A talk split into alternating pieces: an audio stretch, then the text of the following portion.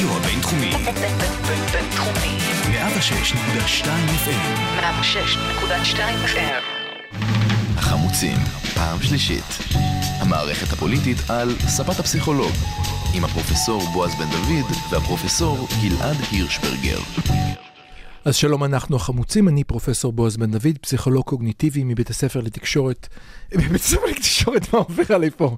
סליחה, מבית הספר לפסיכולוגיה במרכז הבינתחומי הרצליה, מי שכן שייך לבית הספר לתקשורת, זה דוקטור שלמה אגוז, שהגיע להציל אותנו בהיעדרו של פרופסור גלעד הירשברגר, שיושב עכשיו במסע בספרד.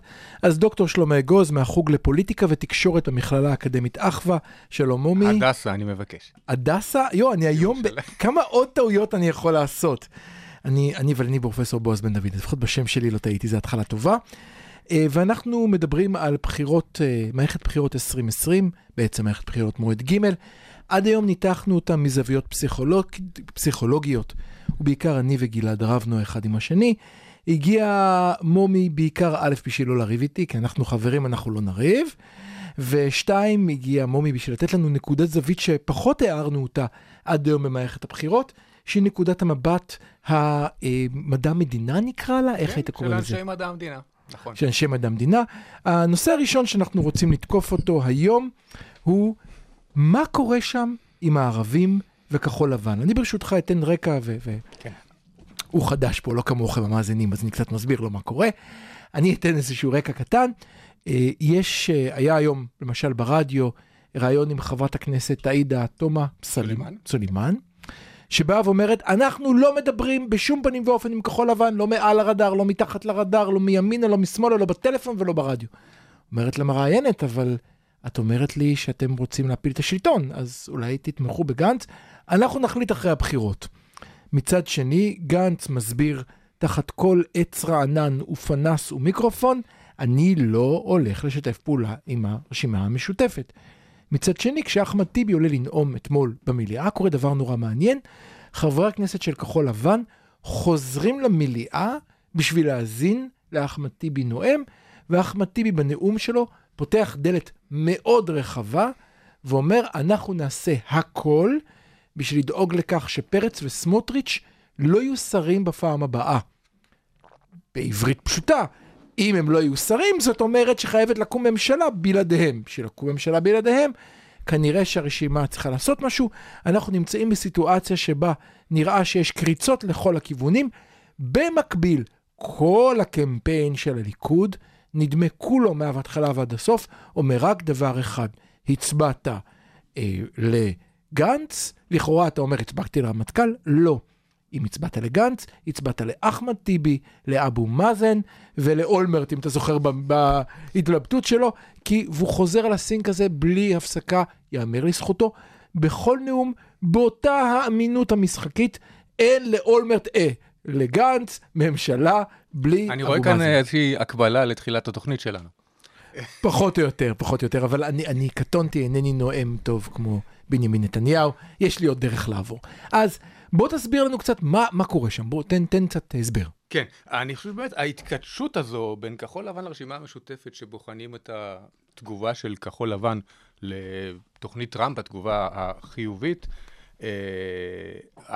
המענה שלהם לליכוד באמירה, לא, לא נקים ממשלה עם המשותפת, אה, ההצהרה של המשותפת בתגובה שהם לא ימליצו על גנץ, זה נראה שיש כאן איזה מכשול קואליציוני עמוק, אמיתי, שנובע מהבדלי דעות, ובאמת ימנע מגנץ להרכיב ממשלה כדברי הליכוד. לא, אבל, אבל חשוב להבין, בכל קואליציה תמיד יש, אם קואל... הרי אנחנו לא נמצאים בתקופה שבה אה, המערך או מפא"י יכולים, מפא"י, נכון? הם היו הכי קרובים, 58 מנדטים? כמה היה למחדסי? זה היה למערך אחרי הקמתו? מפלגת העבודה מפ"ם. אבל לא משנה, אבל הנקודה אנחנו לא שלי... שם, תמיד תהיה קואליציה, בקואליציה תמיד יש פשרות, ואנשים שונים מתחברים. ולכן רציתי לומר שמנקודת מבט אחרת, זה נראה כמהלך. ההתכתשות הזו, הפומבית, נראית כמהלך שאולי הוא לא מתואם, אבל הוא משתלם אלקטורלית לשתי המפלגות. למה? כך הן חושבות. למה? קודם כל, על מה מתחרים הליכוד וכחול לבן? הם מתחרים על הבוחרים שביניהם. הזמנת, הזמנתם אותי להציג את הזווית מהזווית של איש מדע המדינה, אני אביא תיאוריה, אתה יודע, שיש לי גם השגות כלפיה, אבל חשוב להכיר אותה. אני תכף אריב איתך, לא שהתכוונתי, אבל אין ברירה, אבל אני אתן לך להמשיך. תצטרך. לתת לי להציג את התיאוריה קודם, כן, ואז אתה. מוזמן לריב, כי גם אני לא תמיד מסכים איתה, אבל אולי רלוונטית להבין את ההתנהגות שלהם. לך על זה. המושג שאני רוצה להציג כאן הוא משפט הבוחר החציוני. אה, משפט שמגיע מתורת המשחקים. קודם, משפט במובן המתמטי. וחציוני... משפט הבוחר החציוני. אוקיי. כן, משפט במובן המתמטי וחציון במובן הסטטיסטי. זה מבוסס על עבודות של, עבודות של אנשים כמו דנקן בלק ואנטוני דאונס. אה, חציון זה אותו בן אדם ש-50% נמצאים מימינו, 50% משמאלו. אכן. כך, בוא נדמיין רגע עיירה. בוא נדמיין רגע מודל כלכלי, כי משם זה מגיע. עיירה שכל החנויות בה מסודרות לאורך רחוב אחד ראשי שמתוח כקו ישר ממ- ממערב למזרח. אוקיי. החנויות שנמצאות במערב, ממש בקצה המערבי של העיירה, אנשים ממזרח לא יגיעו אליהם, רחוק מדי. החנויות שנמצאות בקצה המזרחי, אנשים ממערב, אפילו מהאמצע, לא יבואו אליהם, רחוק מדי. אוקיי. אם אתה רוצה לפתוח חנות ויש לך את המשאבים להשקיע, אתה תקנה חנות יקרה, איפה? במרכז, איפה שאני מקווה למצוא את רוב הצרכנים. יגיעו אליך ממזרח, יגיעו אליך ממערב, לא רחוק מדי לאף אחד, יותר קונים. אה, אם נתרגם את זה, תרגום אולי קצת פשטני, ועדיין כדאי להכיר למודל הפוליטי, בואו נסדר עכשיו את כל הבוחרים מן הקצה השמאלי לקצה הימני, או להפך, תבחר. מפלגה שואפת שלטון, שרוצה רוב קולות, מבקשת לדבר אל הבוחר החציוני, הבוחר שנמצא באמצע. אני אני לא יכול להסכים איתך. אני יכול כבר להגיד מה אני חושב? או- אולי, אבל אני רוצה ליישם את זה. טוב. אוקיי. אני אני אתאפק. אני, כי, כי באמת יש, אה, יש אה, מצבים שבהם זה לא עובד. אבל מה הרעיון? הרעיון הוא בעצם שמי שמשמאל למפלגה, שאפילו קצת משמאל למרכז, אין לו אלטרנטיבה יותר טובה מהמפלגה הזו. מי שמימין למפלגה, שהיא אפילו קצת מימין למרכז, אין לו אלטרנטיבה. מי יכריע? אלה שבאמצע. יש עם זה הרבה בעיות בסביבה שהלכה והתהוותה עם הזמן שפחות אנשים משתתפים בבחירות בכלל. יש אנשים שיגידו, אני הולך לבלות, כי מה ההבדל כבר בין המפלגות? יש מקרים שבהם זה לא עובד. אבל עכשיו, אפילו הליכוד, שלא עליו אני מדבר כרגע, הליכוד שבאמת טיפח את ה base דווקא, ולא שיחק לפי התיאוריה הזאת, ולא רצה, ולא. רצה לאבד קולות, למשל הכהניסטים שלא יעברו את אחוז החסימה, לזהות שלא תעבור את אחוז החסימה. אפילו הליכוד, מה הוא עושה עכשיו? הוא מאמץ את תוכנית טראמפ. תוכנית טראמפ מבקר, בעצם מדברת גם עם כל הדברים שאנשי שמאל לא אוהבים, מדברת על מדינה פלסטינאית, הליכוד החביא את הצהרת אה, בר אילן, פתאום מדינה פלסטינאית, פתאום כשהאמריקאים... די. רגע, כשהאמריקאים... נו באמת. כשהאמריקאים שולפים כרטיס אדום לגנט, לנתניהו, על סיפוח אה, לפני הבחירות, הולכים איתם, למי זה מסמן? הבוחר שבאמצע, בניגוד לבוחר הימני, ולמדינה פלסטינאית בתנאים מסוימים הוא מוכן, ולא רק זה, הוא רוצה שנעשה את התהליך ב- ביד ביד עם ארצות הברית ולא כנגדה. אני, אני, אני נאלץ לא להסכים עם כל מה שאתה אומר. אוקיי. זה, ממש לא התכוונתי לריב איתך, אבל אתה. מתנהג לא יפה. תראה, קודם כל אני חושב שהבוחר החציוני, כמו שאתה קורא לו, אני יכול להבין איך כחול לבן שואפו פעם, בהתחלה. אני אתן לך גם במועד ב' להגיע כן. אליו. אני חושב שבמועד ג' נגמר המשחק הזה. אני לא חושב שיש עדיין מצביע חי, נושם, כן. שעומד על שתי רגליו, שבאמת אומר לו, אני אצביע ליכוד או אני אצביע כחול לבן. כן. אני חושב שגם אם היה מביא את נעמה סלומון ואת כל אה, נצורי האוניית הקורונה במטוס הממלכתי, תוך כדי שירת היידה שרה היידה ביבי שלהם. התכוונת ליששכר, נכון? אה, כן, נעמה יששכר. אוקיי, כן. ל- לישראל, גם אז אף מצביע כחול לבן לא אומר, יאללה ביבי, שכנעת אותי, אני אצביע ליכוד. אני לא חושב שמצביעי הליכוד, ממה הם עוד התרשמו? הגישו שלושה כתבי אישום. אני חושב שהם לא יזוזו לכחול לבן. אני, נדמה אני, לי... אוקיי, אני מתקן את התיאוריה. אני, נדמה לי שמה שאתה מתאר הוא ההסבר, הרזון דטרה, סיבת הקיום לכחול לבן. כן. אני חושב שהיום הליכוד, גם בקבלה, הם, הם, עם המילה, שתי, המילה מדינה פלסטינית, נמחקה שם בטיפקס, ביבי לא רמז עליה, לא מצמץ עליה, לא אמר עליה כלום, הוא ניסה לעשות סיפוח, שזה לגמרי לבייס, הוא דיבר על, על חילופי שטחים בשביל לשלול אזרחות מתושבים ערבים, להעלות את הרעיון ערבים הם אזרחים מאוד על מקובל על תנאי. הבוחר החציוני. תן לי להגיד לך מה חושב הבוחר החציוני טוב. בישראל. הבוחר החציוני בישראל רואה בבקעת הירדן חלק בלתי נפרד מישראל, זה ידוע. כן. זה לא חדש. כן. הוא ישמח להסדר שלום אם יש בידינו מקסימום שטח ומינימום ערבים. מסכים מתאים איתך. למה שאמרת, מקסימום שטח ומינימום ערבים. מסכים. הוא מוכן בתמורה להסדר כזה למדינה פלסטינאית, ואני דווקא חושב שזה נאמר היטב.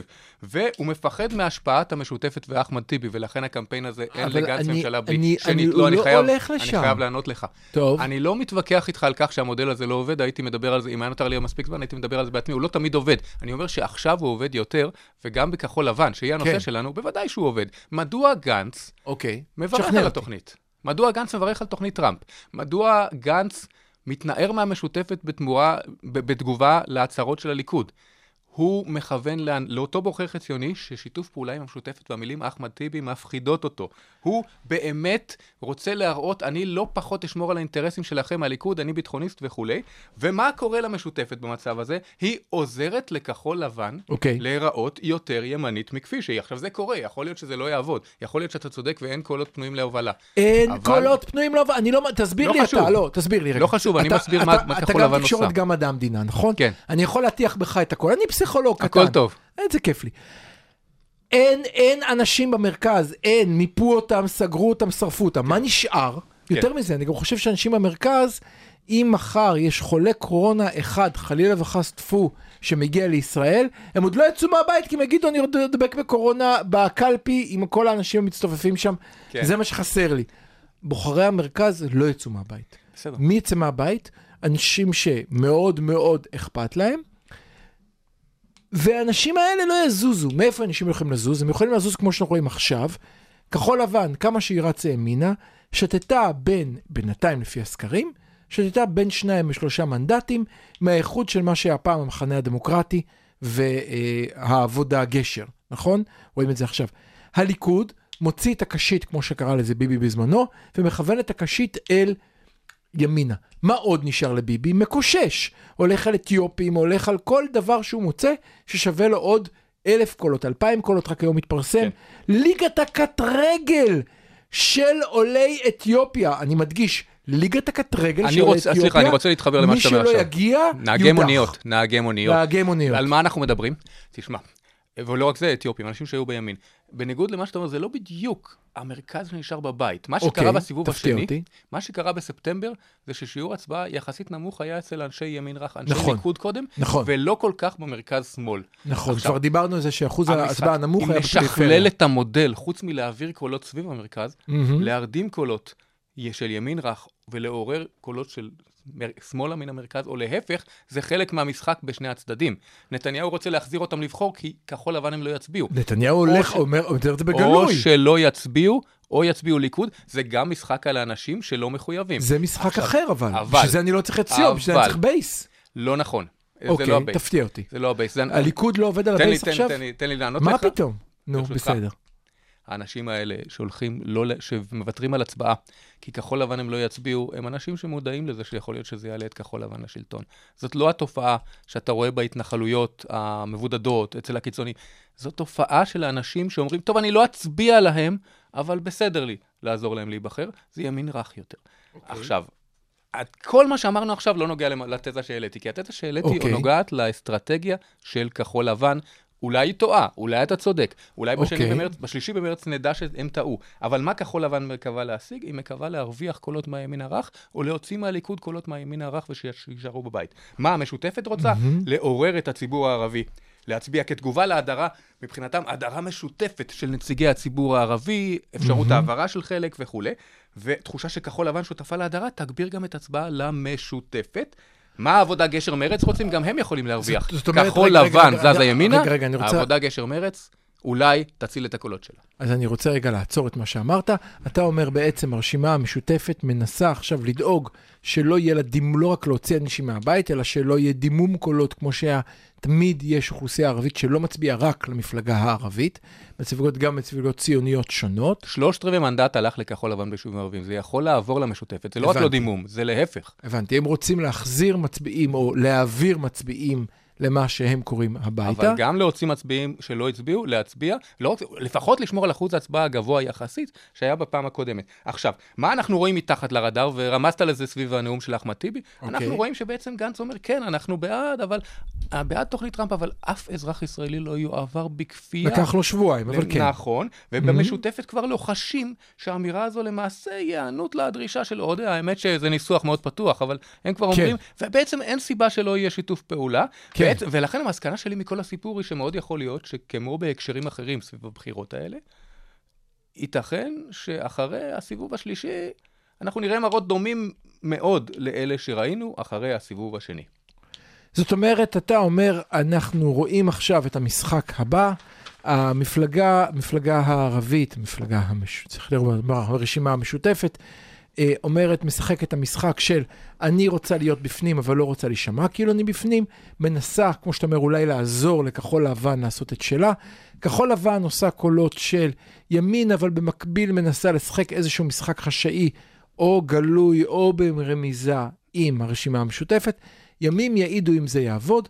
בנוסף, אתה דיברת על אותו מצביע אמצע שכולם מנסים להגיע אליו. אני ברשותך אמרתי שאני לא רואה את מצביע האמצע היום. אני חושב שיש עכשיו אה, מהלך כפול של מצד אחד של הליכוד ללכת על ה base, על הבסיס, על אנשים המכורים, להציע אותם להצביע. בנוסף, ללכת אה, בצורה חזקה על קהלים קטנים שיוסיפו לה עוד רבע מנדט פה, רבע מנדט שם. בצד השני אנחנו רואים בכחול לבן את הרצון מצד אחד, כמו שאמרת, לא להיראות שמאלני מדי בשביל לא למנוע מאנשים להצביע. מצד שני, ועל כך אולי נדבר יותר בחלק הבא, הם מנסים לנמנם, להרדים, לילה טוב, שיר ערש, בקטע שנעבור כמה זמן, ואם נהיה בשקט, בשקט, בשקט, אולי אף אחד לא ישים לב והבחירות יעברו.